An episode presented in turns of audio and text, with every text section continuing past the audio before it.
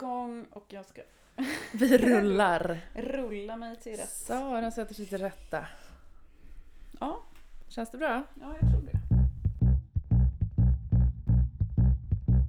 I en nybildad förening, Reformisterna, vill de tre i ett nytt program skapa en ny ekonomisk politik, en starkare socialdemokrati och ett bättre Sverige, skriver de på DN Debatt. Välkomna till Reformistpoddens åttonde avsnitt. Ja, hej och välkomna. Hej Sara. Hej Linn som numera är viceboss i föreningen. Hej. Hur känns det? Nej, men det känns så jävla roligt, Sara. Mm. Det känns sjukt kul. Vi hade årsmöte i lördags. Ja. Du var där, jag var där. 130 andra reformister Ja, var där, sånt. typ. Något sånt. 140, ja. mm.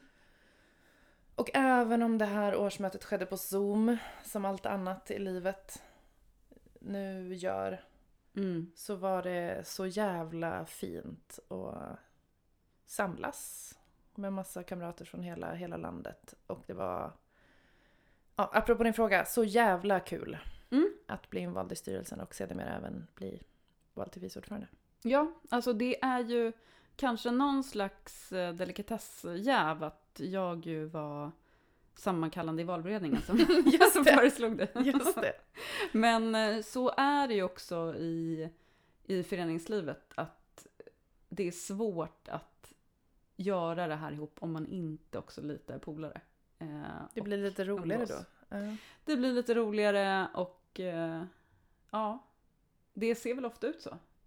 Att man också känner varandra. Liksom. Ja men precis. Och lär känna varandra om inte annat. Mm. As time goes by. Nej men det känns Precis. skitkul. Jag är, jag är fan taggad till tänderna. Mm. Det har hänt sen vi hördes sist. I, Ja. i podden. Vi har haft årsmöte.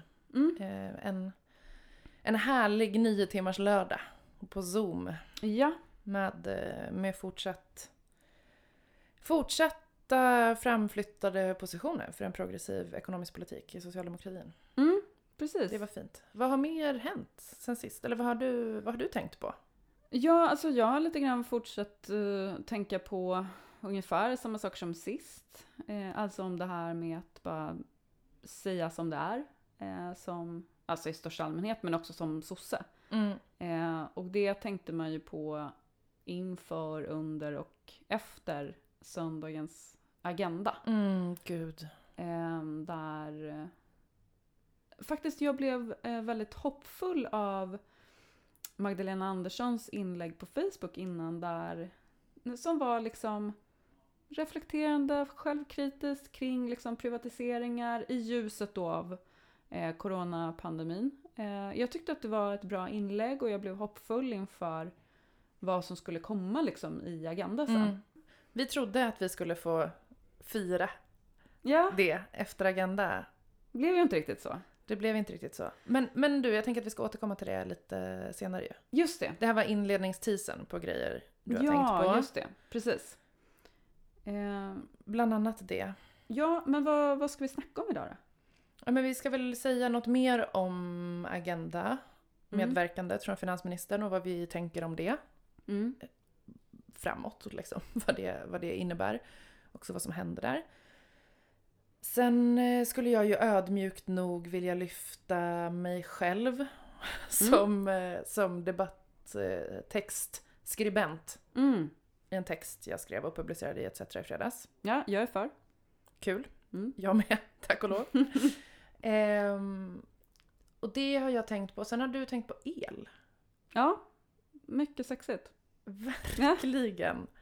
Verkligen. Mm. Ehm, och sen tänkte ju vi att vi skulle fördjupa oss lite med hjälp av en expert i någonting som pågår, jag tror i många människors flöde, oavsett Mm. om man bor i Stockholm eller inte, oavsett om man hänger på Twitter eller inte, Mm.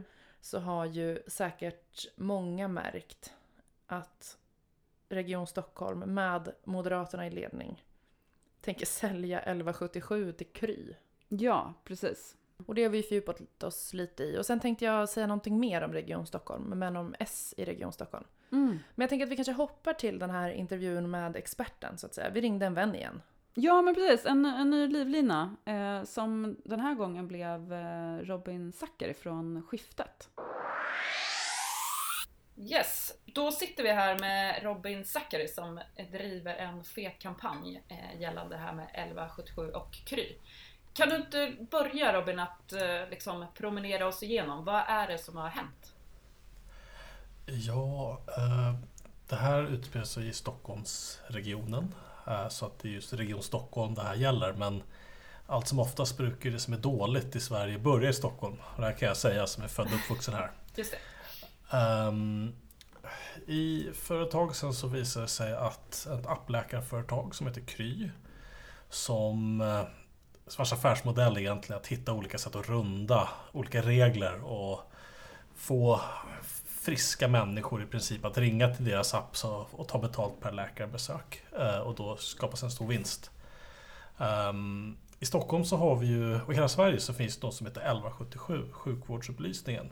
Mm. Och det är ett nummer som ja, du, du ringer om du kanske inte 112. Du vet kanske inte om det är så allvarligt eller om du bara behöver hjälp att bli liksom guidad i var du ska vända dig till i vården. För det är inte, en vanlig person vet ju inte alltid om det är en vårdcentral, om det är ett närsjukhus eller om det är akuten eller var du ska vända dig till. Och då kan du ringa till 1177 och så får du prata med en, en sjuksköterska och så kommer er i objektiv eh, en objektiv information var, var du ska vända dig och vad du behöver göra och tänka, tänka på. Eh, I Stockholm, så, vilket idag är den enda regionen som har det här i privat drift. Det är ett företag som heter Medhelp, ett skandalomsusat företag som har drivit det här i väldigt många år. Ehm, det finns ju skandaler om att de här telefonsamtalen har legat helt öppet på nätet. Det är att Medhelp har haft människor i, jag tror är Spanien, eh, som har svarat som inte varit sjukvårdspersonal utan suttit och googlat. Så att eh, det har ju varit en... Ja precis, det har varit så mycket så här i Stockholm och det, det flyger lite inom radarn eftersom det är Stockholm ja. ibland. Eh, Just det, om, för att det händer så mycket galna saker här. ja, men om det byggs liksom en, en bro, då måste hela Sverige stå ut med det. Men när, liksom, när vården förstörs, då, då blir det inte riktigt samma, samma uppmärksamhet. Mm. Och då vill de här Kry då köpa upp eh, det här företaget Medhelp. Och det fick ju folk att lystra ganska mycket, för det visade sig att, nej men, vänta här nu, ska, ska ett företag som har vårdinrättningar, ska de också driva Eh, den objektiva liksom, informationsenheten. Mm. Eh, det, det, ju, det, låter ju helt barockt och det är det också. Uh, och Kry vill ju ta sig in här för att det finns ju flera saker de känner att de skulle kunna uppnå. Det första är ju att uh, mjukt slussa folk till sina, till sina app eller så, vilket redan har hänt i mm. våras. I hemlighet så tecknades ett avtal mellan regionen Kry, så det, de har redan börjat. Um, mm. Och då vill de såklart ta det här längre för att uh, tänk om du kan slussa alla dit. Um, den andra är ju att du får tillgång till data. Um, och det kanske inte är så att Kry skulle använda datan liksom på vad alla har för sjukdomar. Utan snarare att se liksom, kanske trender. Men vad är det folk ringer om just nu? Okej, okay, vi kan anpassa vår digitala marknadsföring på Facebook uh, Instagram, Youtube. Så det finns många sätt som ett företag kan känna att liksom, det här är en guldgruva. Mm. Och Kry vill inte bara göra det här i Stockholm. De vill göra det här i resten av landet. Um, och det är ju liksom planen såklart. Det kan ju inte finnas en bättre affärsidé än att liksom få tillgång till allt det här. Och det är liksom bakgrunden till varför det här liksom, Kryo 1177 blev en, en grej mm. för två månader sedan ish, kanske en och en halv. För de har tecknat ett, ett avtal, eller så här, regionen låter då Kry köpa upp 1177 av det här andra företaget? Ja, det är här vi kommer in till liksom, ska vi säga, om det här är vad som har hänt så är det här lite det som kommer hända. Eller uttryck mig så här, den, de har inte köpt den. Eh, det, det ska godkännas av, eh, av regionen. Mm. Uh, och det här har eh, tjänstemännen på regionen sagt att det här ska vi nog skicka upp till politisk nivå så att det hålls på med en utredning om det här är rimligt så att säga. Och det är vad alla politiker hela tiden hänvisats till. Jo, men, vi, måste låta, vi måste låta tjänstemännen titta på det här först. Det är ett bekvämt sätt att göra det. Liksom att ge oss lite andrum. kritisera oss inte ännu, det, det ligger hos tjänstemännen. Och sen hoppas att folk hinner glömma innan man kommer till beslutet. Ja, ja, för det är så här de alltid gör i Stockholm. Um, för er som kommer ihåg Nya Karolinska så försökte de ju mörka det avtalet i liksom flera år. Och lyckades till stor del. Um, och vi såg vilken katastrof det blev uh, i Stockholm med Nya Karolinska. Så att det är liksom ett modus operandi är ju liksom att uh, totalt liksom försöka trycka ner någonting. Och den här gången så lyckades det inte. Nej, för ni har ju, jag tänker man har ju följt liksom, eh, eller jag har haft det här jättemycket i mitt flöde de senaste, vad sa du Robin, en och en halv månaderna ish, eller två månader ish. Eh, och jag tycker man ser både liksom politiska partier mobilisera och folk vara upprörda och sådär. Men sen är det ju ni på skiftet som har gjort den här eh, jätte genomslagskraftiga kampanjen eh, bland annat. Mm. Kan du liksom inte berätta lite om själva mobiliseringen kring det här? Apropå att de misslyckades med undermattansopningen den här gången. Vad är det vi har gjort rätt? Eller ni har varit med och, och gjort rätt? Tror att det är jättemånga saker. Den första saken är att om det ska, ska byggas ett sjukhus så är det en ganska abstrakt sak egentligen. Alltså, vad kommer det innebära för mig? Det är lite svårt så att förstå vad det innebär om det ska byggas ett nytt Karolinska sjukhuset. Eh, men 1177 har alla väldigt, alla har nästan en relation till det på något sätt. Särskilt um, vi småbarnsföräldrar. Stammis. kan jag verkligen tänka många, mig. Jag... Många samtal till 1177 har det blivit. Jag, jag var med om en sak nyligen, en, en, en närastående person till mig som fick en allergisk reaktion. Och då kan det vara svårt att veta. Är det här någonting man ska ringa till, till ehm, um, 112? Eller ska man vänta? Och då ringde vi sjukvårdsupplysningen och sa att vi skickar en ambulans. Uh, och alla har nästan en så liknande story. Uh, om sig själv eller någon som de älskar. Så det ligger extremt nära. Den andra tror jag, aspekten i det var ju att um, folk har ju sett hur extremt viktig vården är just nu, alltså under covid. Och att allting funkar ordentligt. Det finns nog hur många som helst som har ringt om covid-relaterade saker så att 1177 är en väldigt, väldigt omtyckt tjänst. Eh, folk tycker att det fungerar ganska bra, mm. Eh, även här i Stockholm.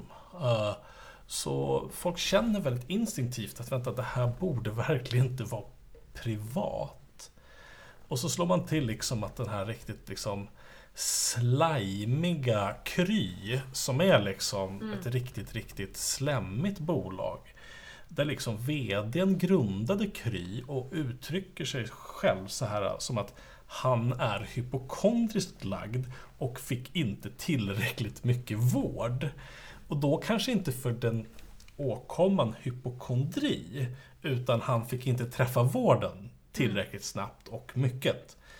Eh, så att alla de här sakerna liksom gifter sig samtidigt som en massa olika regioner nu börjar titta på ja, men så här, utomlänsfakturor som det kan kallas. Liksom att det är någon som ringer till något annat ställe i landet. Så att regionerna också känner hur de dräneras på pengar för alla de här äh, oftast lite friska människorna som ringer de här appläkarföretagen.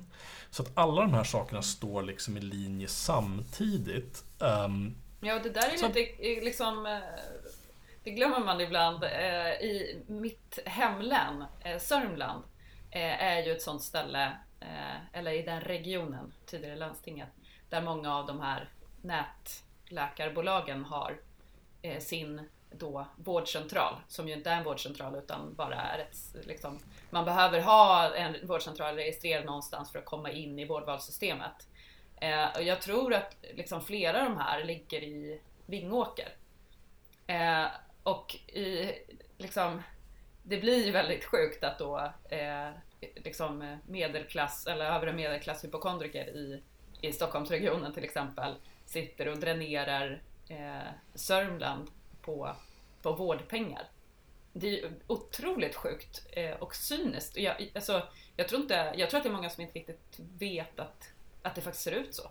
Nej, det tror jag inte. Och det här har ju gått längst och snabbast i Stockholm som Mm. ofta sådana här saker gör. Ehm, det är ju nu börjar man ju se att Region eh, Västergötland har ju sagt stopp. Region Uppsala börjar också. Så att det, liksom, det har ju Får jag varit fråga, en... stopp, stopp, förlåt. mot, stopp mot vad? Alltså mot liksom nätläkargrejen eller privata, eller vad är det som liksom...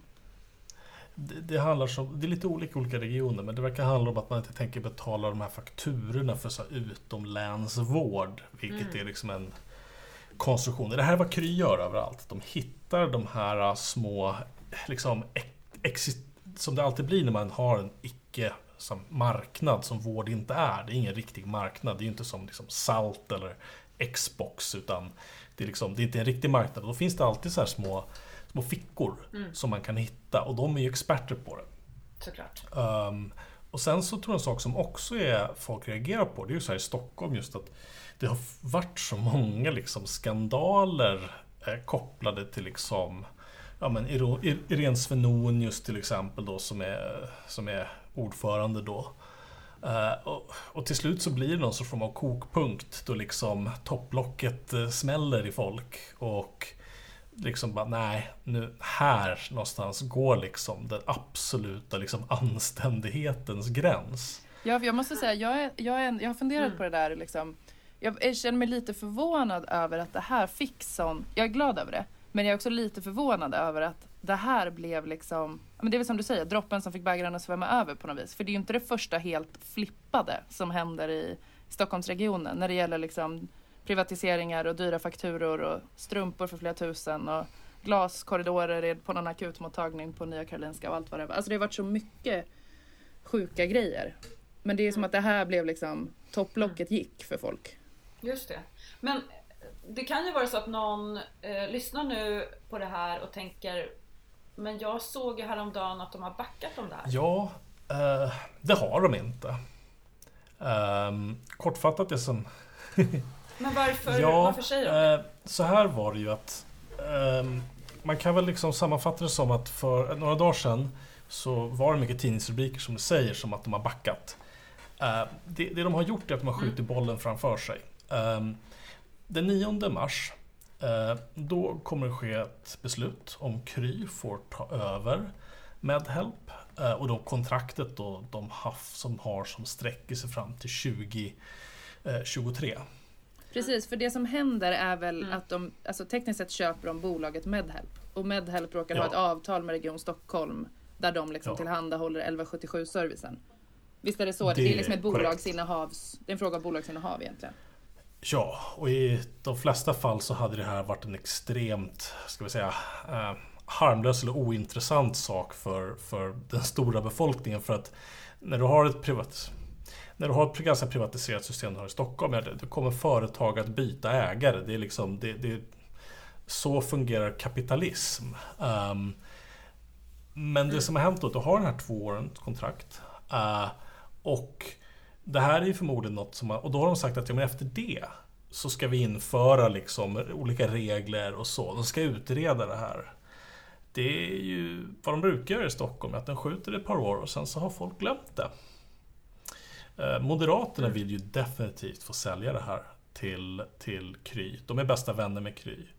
Krys chefslobbyist var tidigare, precis innan, så han jobbade för Kry.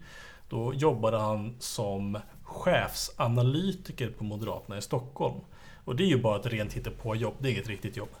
Uh, och sen så Nej. får han ett, inget riktigt jobb heller och går liksom till, till Kry som chefslobbyist. Så att de sitter ju och tittar på hur ska de kunna jobba med Moderaterna för att få igenom det här.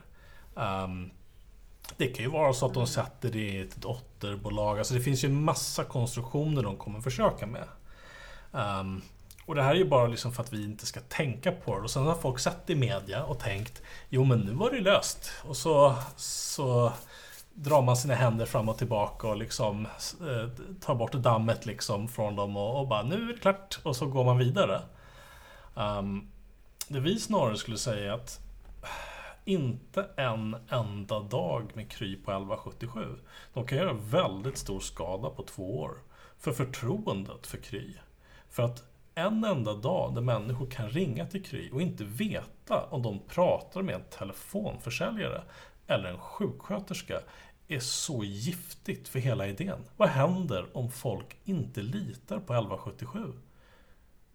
Folk kommer skadas, folk kommer Mm. dö, folk kommer söka vård när de inte behöver vård. Folk kommer söka, inte söka vård när de behöver vård. Det blir enorma kostnader för samhället. Ehm, och, och de här bitarna, två år, det är rätt lång tid. Så därför vill de spela ner det här som att det liksom inte är någonting. Um, så att det är ju ett steg i rätt riktning. Alltså det visar ju liksom att en del i de eh, blågröna eh, koalitionen då i, i Stockholmsregionen är rätt skrajsna för kritiken. Um, vilka det är, det, det, kan, det vet vi inte. Kanske Miljöpartiet och Liberalerna. Um, vi, vi vet inte riktigt, men uppenbarligen så har Moderaterna varit tvungna att backa. För att hade de själva bestämt, då hade de inte backat en tum. Det visar väl att, eh, alltså att det funkar att eh, kampanja mot det här. Att synliggöra, att göra fler medvetna om vad som är på väg att hända. Ja, det, det tror jag. Och eh, vi, vi har ju liksom för att förstärka och att folk ska förstå så måste vi liksom, har vi haft som strategi att liksom visa på kopplingarna mellan Moderaterna och Kry. Att det finns liksom i princip Ja men i, i, princip svängdörrar mellan de här två parterna. Vi, vi, vi skojade till det och kallade dem för Krya-moderaterna. Ehm, det gjorde att vi, vi Ja, vi satte ju då upp 1177 affischer i Stockholm. Ehm, Just det, det har jag sett. mycket bra. Ja. Vad du kanske inte har sett är att eh, Moderaterna har på ett flertals tillfällen eh, på flera ställen eh, vandaliserat våra affischer. Förmodligen där moderata tjänstemän jobbar, för jag har bara sett det här i innerstan. Ehm, men det jag, det jag, ja, det är ganska talande. Så att om, om det har satts i innerstan och liksom i olika Stockholmsförorter och sådär där, där som är mest liksom, ska vi säga, där trafiken går så att fler nås av dem. Eh, men det som vi tyckte var lite märkligt, eh, och det är ju något som vi kan prata om här, det var ju att de inte bara vandaliserade våra affischer, de satte på en klisterlapp som liksom om, om Socialdemokraternas covid-strategi. Det var väldigt roligt att de liksom äh, sitter och liksom, deras hela grej var att de säger att allt det här, det är bara sossarna. Det är soss, för de bara, det här är planerat på Sveavägen 68 och jag, jag vet inte var de får det ifrån. Jag har inte pratat med någon på Sveavägen 68. Uh, eh, ja. Och uh, bara så här liksom rent, rent kanske, ska man säga, Eh, min egen liksom värdighet så attackeras det liksom som att vi, vi kan, skiftet kan inte ligga bakom det här. Det måste finnas någon tjänsteman på Sveavägen 68 som har kokat ihop det här. Um, och det, det är ju något, en, en lätt kritik, alltså det är ganska lam. Det är det enda de har. För att de sitter liksom med, det är så himla uppenbart för alla. Alla ser ju att Moderaterna vill ge sina kompisar ytterligare en grej i Stockholm.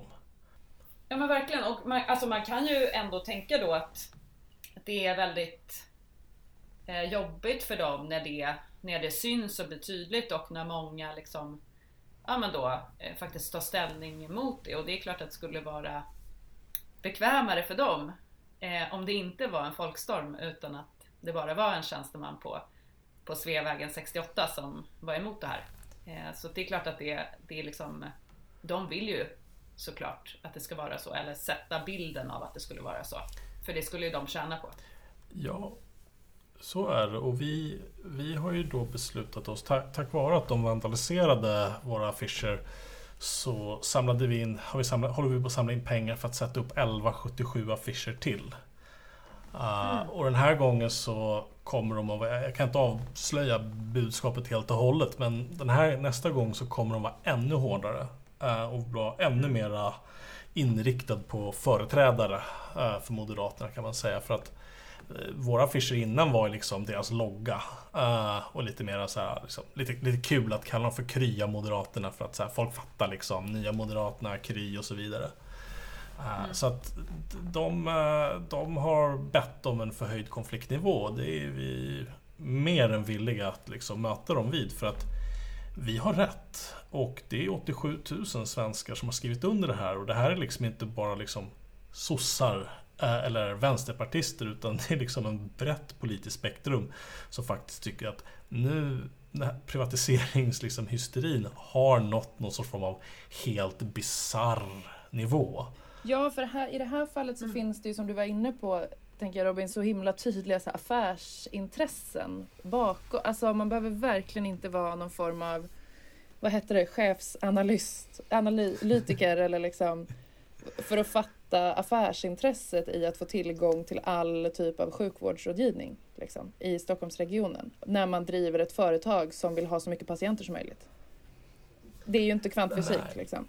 Men om jag var en av krya moderaterna eller kanske till och med en av liberalerna i regionen, så skulle jag säga men lugna er nu. De har ju, det finns ju ett avtal som säger att de inte på något sätt får blanda ihop sjukvårdsupplysningen med sitt, eh, sitt liksom bolag Kry. Jag har nämligen debatterat eller pratat med, med folk om det här och förstått att det finns någon slags, det är ju ett av försvarstalen liksom. De ska köpa Medhelp med det, det, det finns något slags avtal där de lovar och svär att det inte kommer nu låter jag sarkastisk, det är jag inte. Jag försöker bara ställa frågan, vad, är, vad, liksom, vad tänker du kring det? Det finns inga skäl och de har aldrig någonsin agerat på ett sätt som gör att vi kan lita på dem. Det där är bara papper. Ja, Kry till exempel. Uh, de sitter med en enorm kakburk. Tror du inte att en person på det ena företaget skulle bara lyfta linjen och säga Du, det, det rings väldigt mycket om löss just nu. Um, öka annonsering på det. Det tar två sekunder och där helt plötsligt har du gjort en sån sak. Vem ska hålla koll på det? Det är ingen som kommer att kunna hålla koll på det. Hela Krys affärsmodell är att runda lagar och regler Eh, för att extrahera vinst ur liksom ett vårdsystem. Det är hela affärsmodellen. Det är, liksom, det är väldigt konstigt att liksom tro att de skulle helt plötsligt börja göra någonting annat. Men den liksom paragrafryttande liksom Eh, moderaten, liberalen kan ju säga det, men nej, jag litar inte på dem. Och det gör inte uppenbarligen någon annan heller, förutom de som säger det. Och många av de som säger det har mer eller mindre betalt för att säga det. Just det. Så det som, det som händer nu är, trots då Moderaternas försök att finta mm. den här opinionen, eh, så fortsätter kampanjen. Ja. Det vi ändå vet är att det är typ 20 dagar ish kvar eh, tills den här omröstningen och uppenbarligen så funkar det vi gör.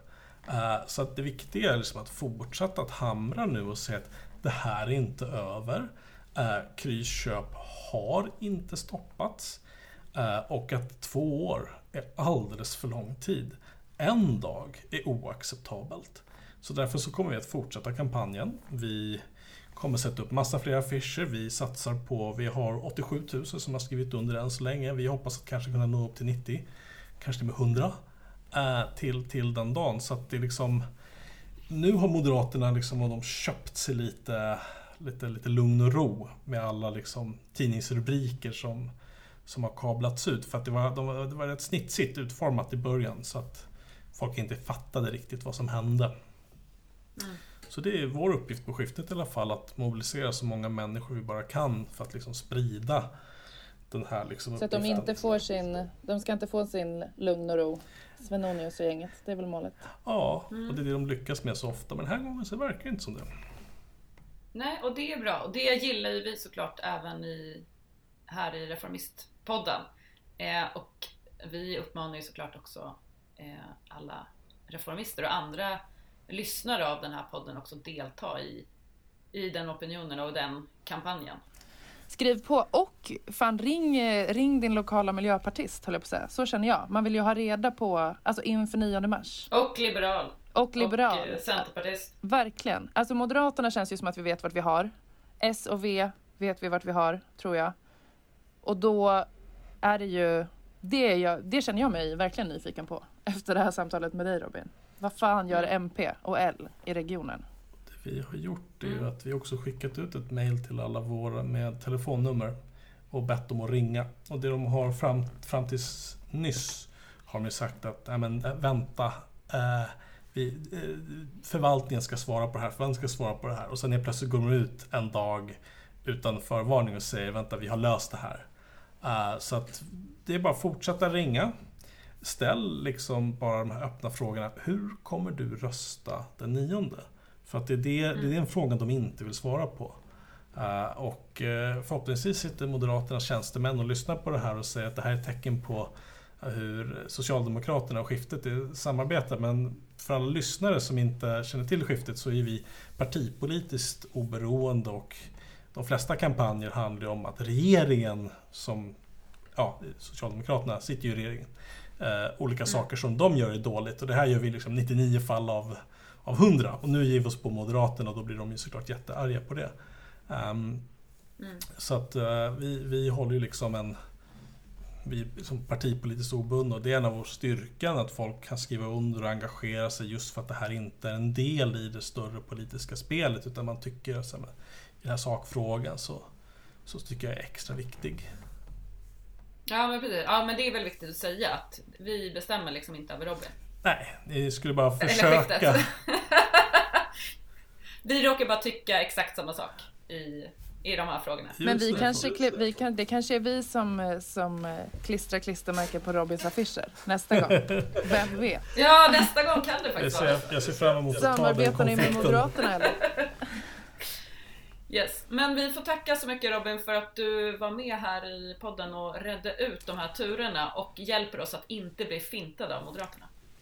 Det, Verkligen. Det, det är mitt, mitt privilegium och ära att få vara med. Fint. Kul. Tack snälla. Tack! Ja men vad bra att vi redde ut det. Ja, verkligen. Och det, jag tycker att det känns eh, framförallt så himla, himla viktigt att bidra till någon slags kunskapsspridning i att det här inte är färdigt än. Mm. Trots den här finten liksom, som vi pratar om i inslaget som Moderaterna försökt sig på. Mm. Så otroligt viktigt att folk vet att det inte är avgjort. Ja men verkligen, för det, det kan man ju på något sätt tänka att så här, eh, att man först blev förbannad och sen såg man så okej men de backar. De backar, det är Ja. lugnt. Ja. Eh, och det är ju det de vill att vi ska tro. Tro inte på propagandan. Don't do it. Mm. Och jag känner mig framför allt rätt sugen på att ta reda på hur Miljöpartiet och Liberalerna ställer sig till det här. Alltså det är väl lite, vi snackar väl lite om det inslaget också, men Moderaterna vet man ju vart man har. Liksom. Det är ju Gud, som ja. sagt deras Ja, det är, före detta chefsanalytiker eller något som är chef där. Mm. Alltså så här, de, de skiter ju i... Absolut, det är liksom ingen, ingen idé att försöka prata med Irene- Svenonius om det här. Nej. Hon säljer ut Ja. allt hon kan. Absolut. Det har vi lärt oss. Ja. Men, men det som verkligen eh, är intressant med hela den här affären, det är ju att vi behöver tvinga MP och L att bekänna färg i den här frågan, tycker Mm. jag. Och det hoppas Absolut. jag kan, kan spela roll för, för väljarna förstås, men, men ja, Mm. för många. Mm. Men du hade tänkt lite mer på Region Stockholm? Ja, tyvärr alltså. Mm. Eller jag tänker mycket på Region Stockholm. Jag tänker att Region Stockholm på så otroligt många sätt är liksom vårat levande case som reformister och socialdemokrater kring varför utförsäljning av välfärd är en jävligt dålig idé. De, gör, de är ju liksom Ja. ansiktet för det. Det, det blågröna styret i, i Region Stockholm. Ja, alltså det är ju Moderaternas skyltfönster. Eh, men deras liksom pinsamma skyltfönster. Exakt. Exakt. Ja. Ja. Och då tänker jag att man som socialdemokrat i Region Stockholm skulle tänka, skulle kunna tänka vilken bra möjlighet vi har här att verkligen ta konflikt Mm. mot privatiseringar i välfärden, mot utförsäljningar av vårdcentraler och allt vad vi nu Absolut, säljer ut. det kan man verkligen tänka. Och så möttes jag igår av när jag gick in på Twitter igen, vilket jag inte gör så himla ofta nu för tiden för att man blir ju liksom trött och matt. Men så gjorde jag det igår. Och då möttes jag av att alltså det socialdemokratiska oppositionsborgarrådet Aida Hadzialic Mm. har skrivit en ganska lång Twitter-tråd. Jag kommer faktiskt inte ihåg vad den ursprungliga tweeten var. Man kan ju liksom skriva en tweet och så svarar man på sin egen och så blir det som en Just så här lång lång tråd liksom. lång Mm. tråd. Men då i, i någon av de liksom långa, långa, långa trådarna. Och nu ska jag ta fram den tweeten här. För att jag tänker att jag till och med inte ska liksom... Jag ska försöka att inte citera det här fel. Mm. Så har Aida Hadzialic skrivit följande tweet. I övrigt vill jag återigen betona följande. Socialdemokraterna i Region Stockholm står upp för valfriheten. Vi tycker också att privata vårdaktörer bidrar till att stärka vården. I pandemin har många av dem varit ovärderliga för att hantera denna kris. Mm. Vilket jag retweetade med texten En jättedålig grej att återigen betona. Ja, man kan undra varför det känns uh, För så känner jag. påkallat liksom. Och det är så många frågetecken kring det här. För det första så undrar jag varför står Socialdemokraterna i Region Stockholm upp för valfriheten? Mm. Det är min första fråga. Ja, särskilt om man definierar valfriheten som att man ska få ha en privat vårdcentral. Mm. Ja. Och jag vill återkomma till det här, men det var min första fråga. Min andra fråga gäller då, vi tycker också att privata vårdaktörer bidrar till att stärka vården. Jaha, tycker ni? Känner jag då. För det var nyss för mig. Ja, det, att, det att var det det är politik vi driver i Region Stockholm. Det här moderata skyltfönstret av att det går tämligen åt helvete Mm. när man privatiserar alla delar av vården. Min tredje fråga gäller, i pandemin har många av dem varit ovärderliga för att hantera denna kris. Mm. Och då vill jag påminna Aida Hadzialic med flera om att vi alltså har sett rubriker om att Södersjukhuset och andra liksom offentliga akutmottagningar, IVA-avdelningar, har på sina bara knän bett privata vårdaktörer att avvara sin personal. Och de privata vårdaktörerna har sagt nej. Mm. Så jag undrar, vilka är de här privata vårdaktörerna som har varit så ofantligt liksom livsviktiga för att vi ska klara den här pandemibekämpningen? Jag känner inte igen mig i den verklighetsbeskrivningen. Men apropå det här med Mm. valfriheten då.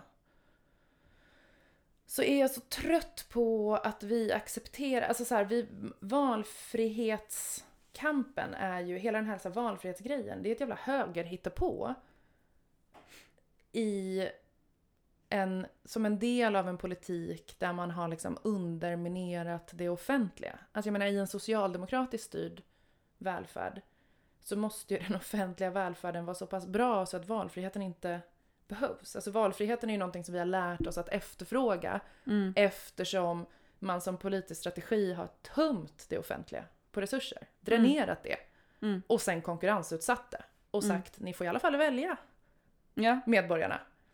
Det är ju en strategi de Och sen har. sitter man ansvaret Och om man råkade välja fel. Ja men precis, Mm. precis. Synd för dig att du Mm. valde fel vårdinstans.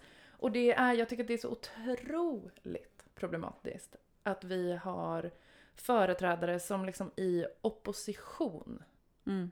i den regionen som kanske mest visar hur dåligt det blir av den här politiken, inte kan ta den striden. Mm. Nej men det blir ju konstigt, alltså för jag tänker ändå att så här, eh, man skulle kunna tänka sig eh, att så här, valfrihet skulle innebära då att man kan välja om man bor på en plats och jobbar på en annan. Att man har möjlighet att lista sig närmre där man jobbar än där man bor. Alltså så har man ju också pratat kring valfrihet. Men om det man betonar är rätten att välja att ens skattepengar ska gå till eh, ett privat bolag.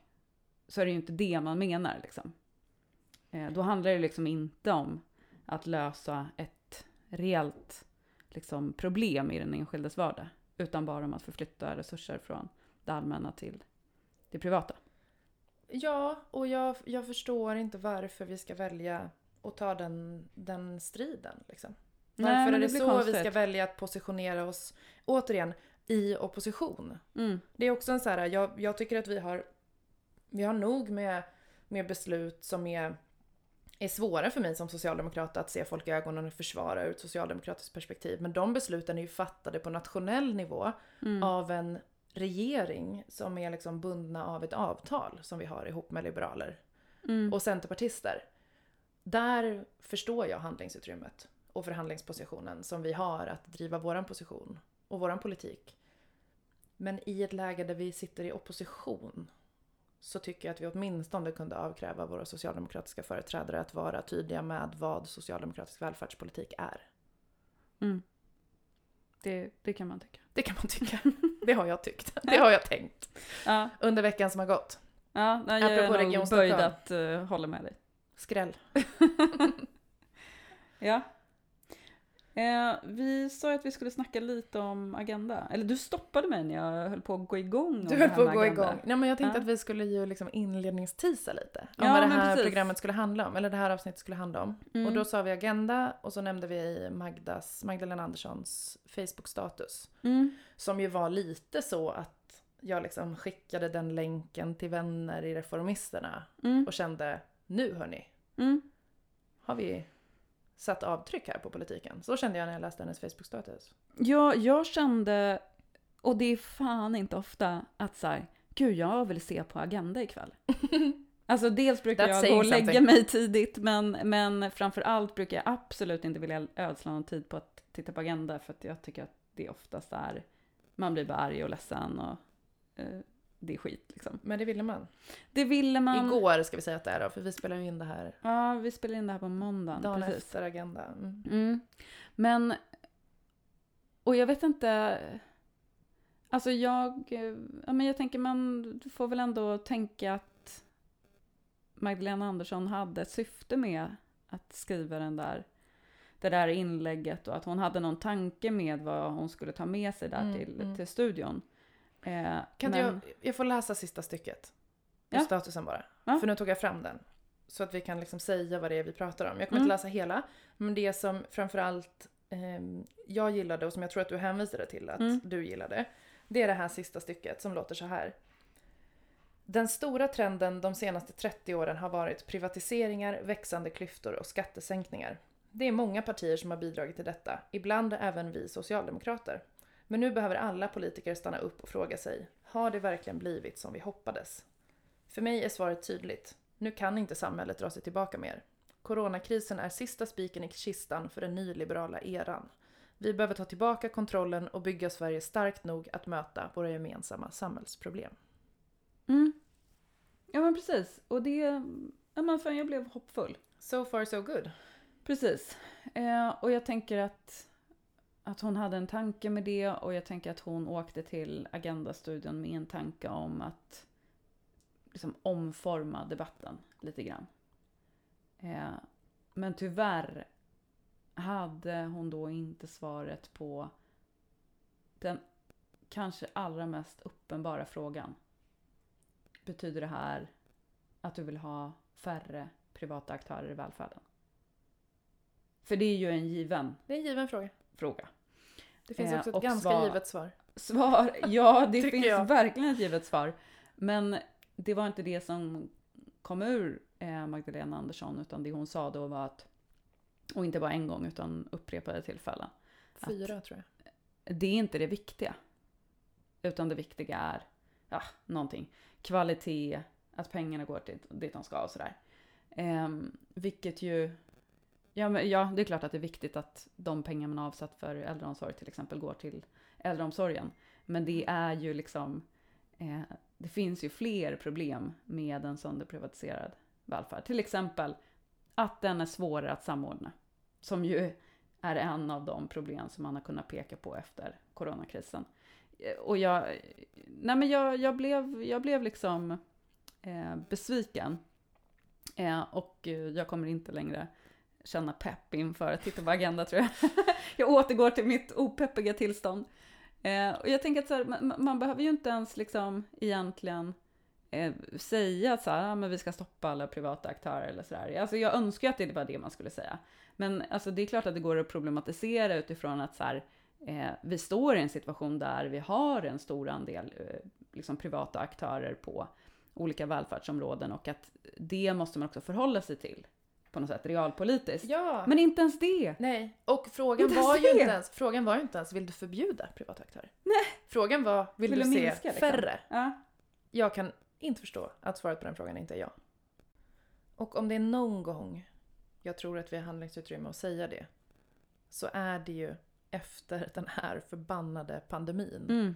som har visat hur svårt det är, som du säger, att samordna, liksom, få ihop det, personal, Mm. vaccinordning, som Region Stockholm återigen är ett exempel på, går Mm. inte kanonbra när man har 210 olika välfärdsaktörer inom bara primärvården. Mm. Där dessutom 70% av dem plockar ut vinst. Alltså är det någonting...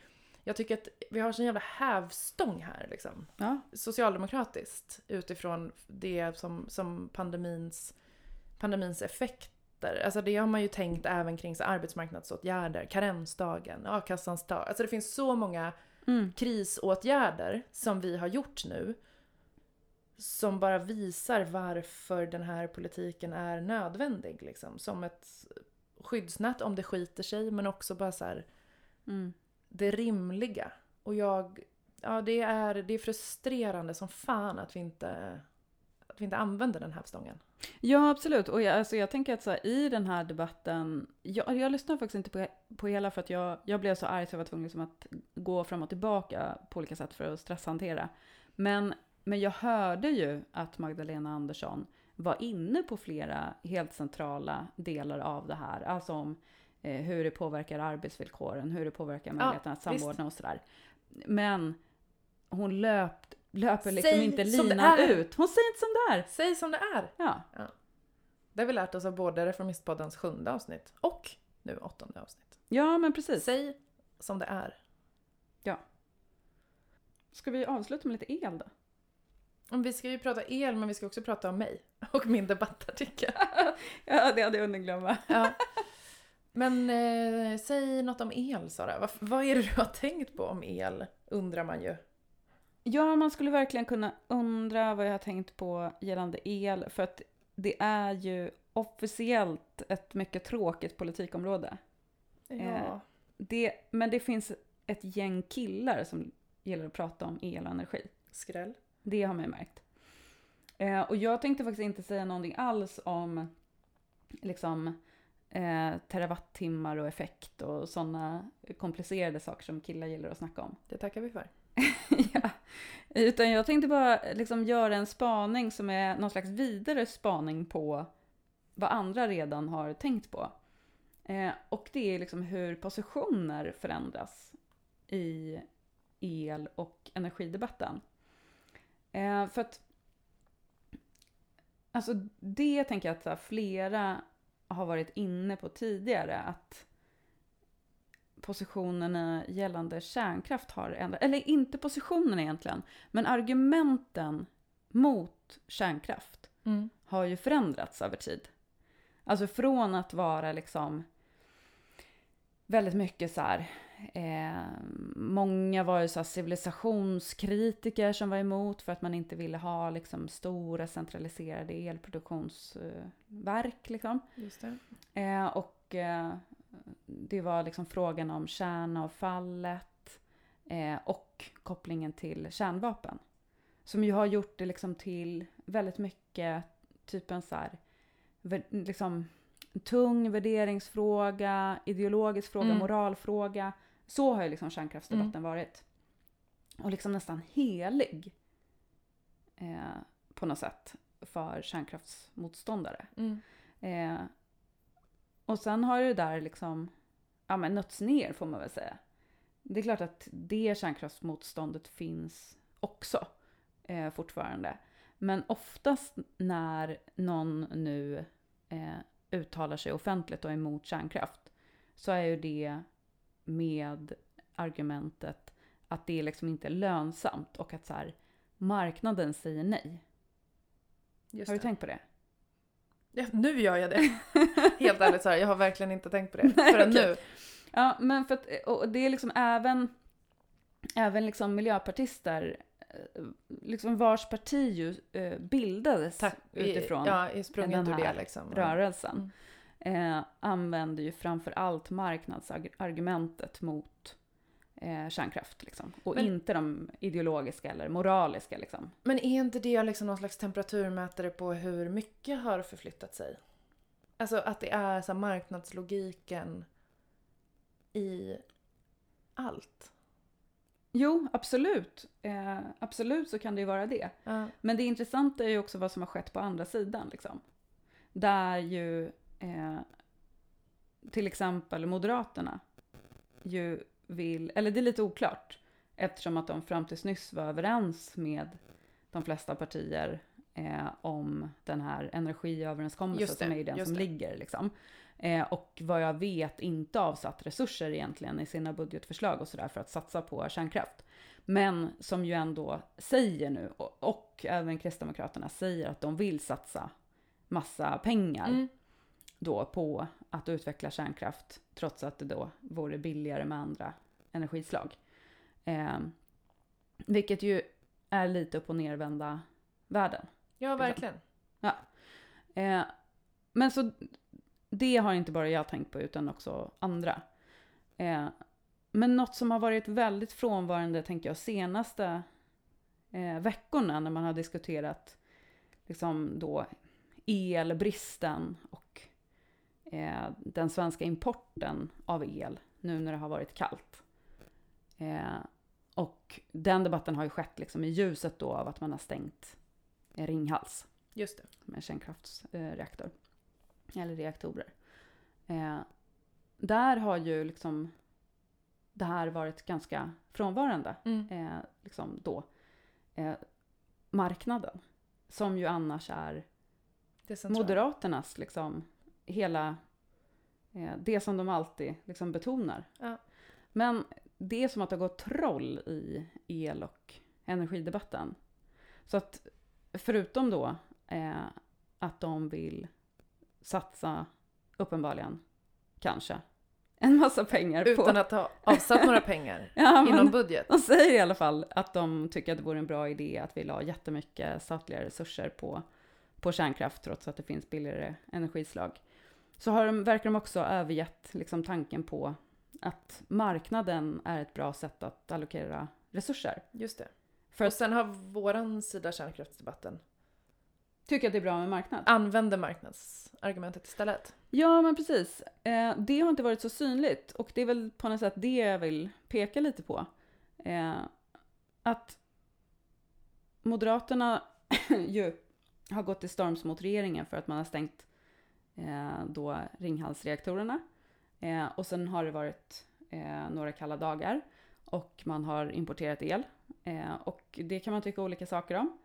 Eh, vi har ju de flesta dagar på året överskott Mm. och exporterar och ibland så har vi underskott och importerar. Mm. Eh, för att vi är en del av en större marknad i Norden och Europa avseende el. Mm. Liksom. Mm. Eh, utifrån en tanke om att det finns komparativa fördelar och allt det här som man lärde sig på gymnasiet eller när det nu var. Gjorde liksom. man det?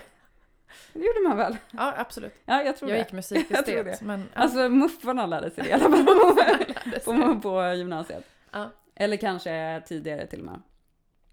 Eh, men det är liksom, det är som att så här, Moderaterna har tagit, tagit till och med ett steg längre. Eh, att de inte ens längre är, är för marknad när det kommer till, till energi. Eh, nu tror jag faktiskt inte att det är så. Jag tror inte att, att Moderaterna vill helt så här åternationalisera eh, elproduktionen och elmarknaden.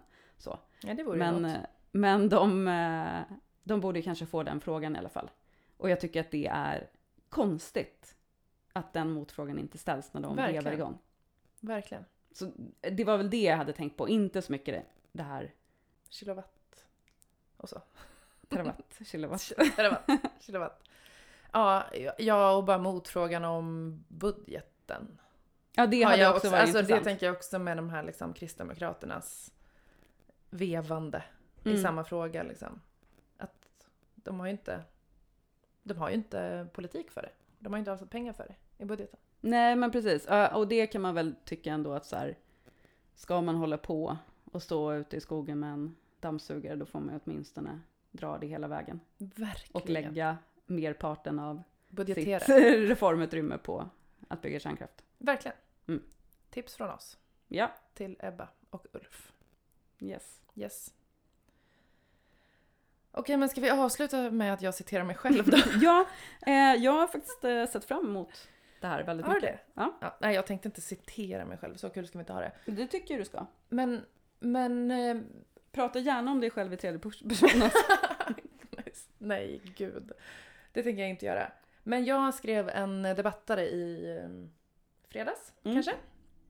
Som publicerades på ETC. Och som jag ändå tänkte ta mig friheten att lyfta. Mm. Även i den podden jag har. Och det är väl lite på samma tema som vi pratade om med Region Stockholm och Magdalena Andersson i Agenda och sådär. Att jag... Det här handlingsutrymmet som jag nu tycker att vi har i pandemins liksom, svallvågor, eller vad man ska säga, efterskalv. Mm. Eh, där jag har tänkt mycket på och i den här texten försökt uppmärksamma det exceptionellt intressanta, kanske vi kan kalla det, Mm. i att liksom politiska partier och opinionsbildande organisationer och tankesmedjor som har ägnat hela sitt liksom, politiska liv och politiska arv till att sänka skatter och göra livet till ett jävla helvete till folk som är sjukskrivna eller behöver gå på a-kassa eller Mm. vad det nu handlar om liksom, eh, i den här kampen mot bidragspolitiken som det Mm, heter på moderat svenska.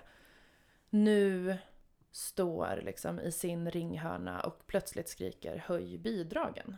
Mm. Det tycker jag är intressant. De, de tycker ju då, och jag har i den här texten liksom citerat lite olika Timbro-artiklar och Svenskt Näringsliv-artiklar där man i ena krönikan då säger bidragen är för kortsiktiga Mm. och i andra krönikan säger bidragen är för långsiktiga och som av en händelse så är ju bidragen som är för kortsiktiga bidragen till företagen. Och Mm. bidragen som är för långsiktiga bidragen till arbetarna. Mm. Alltså de här a-kassereglerna som nu är tillfälliga och sådär. Och att man liksom har Mm. Ja, Svenskt Näringsliv säger då vi behöver liksom det här bidraget eller det här statliga tillskottet om att eh, företag slipper betala sjuklön. Behöver förlängas. Det behöver Mm. bli större, det behöver komma snabbare. Det är liksom, det, det måste, allt måste bara gå fortare och vara mer pengar och sådär när det gäller företagen. Mm. Men samtidigt så är man emot att ja, till exempel det ska bli lite lättare att vara långtidssjukskriven mot dräglig ersättning om man har behov av att lång, vara långtidssjukskrivning. För det skulle ju kunna kosta skattebetalarna Mm. för mycket pengar. Just det. Och jag tycker att det är, eh, ja men för det första en bluff som behöver synas. Liksom. Antingen så är man emot att staten finns när livet skiter sig. Mm. Eller så är man för det. Och jag tänker att om man är för det, som de ju nu verkar vara när det gäller Svenskt Näringslivs medlemmar och inte LOs. Eh, Då, då får man vara för det även när det gäller undersköterskor och byggnadsarbetare. Eller så Mm. är man inte det. Men då kan vi ju inte hålla på och skjuta till och skjuta till och skjuta till mångmiljon och miljardtillskott till dem nu. Liksom. Just det, apropå motfrågor som folk borde få. Verkligen! Mm. Kan någon ringa Timbro, Svenskt Näringsliv, antagligen Moderaterna, Centerpartiet, Liberalerna och hela högen som Mm. plötsligt förstår vikten av statligt finansierade krisstöd när Mm. livet skiter sig.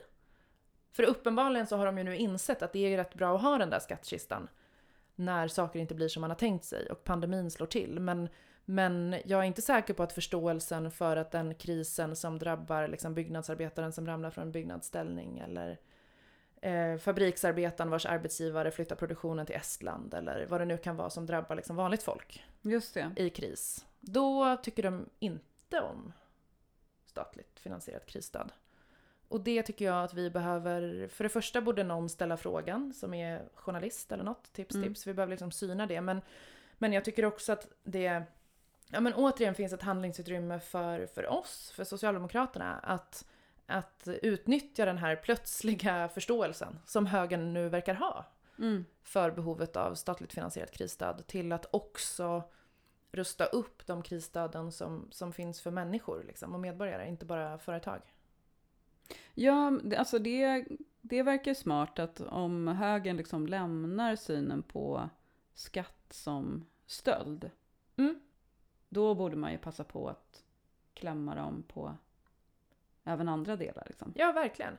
Och om inte annat, för jag menar de kommer väl inte, de kommer väl aldrig säga ja till, till permanenterade a-kasseregler utifrån höjningen nu eller för den delen slopad karensdag i, i liksom all evighet. Men, men om inte annat så, det tror jag inte att de kommer se oss i ögonen och säga Nej, ja nej, till. men de kan, de kan ju få leva med frågan i alla fall. De kan väl åtminstone få leva med frågan och jag tänker att, att åtminstone liksom vi och, och Socialdemokraterna och den socialdemokratiskt ledda regeringen har, har en eh, matchboll här liksom. Om de står i ringhörnan och skriker höj bidragen så kan vi åtminstone ställa oss och skrika bestäm er. Mm, Eller okej, det gör vi.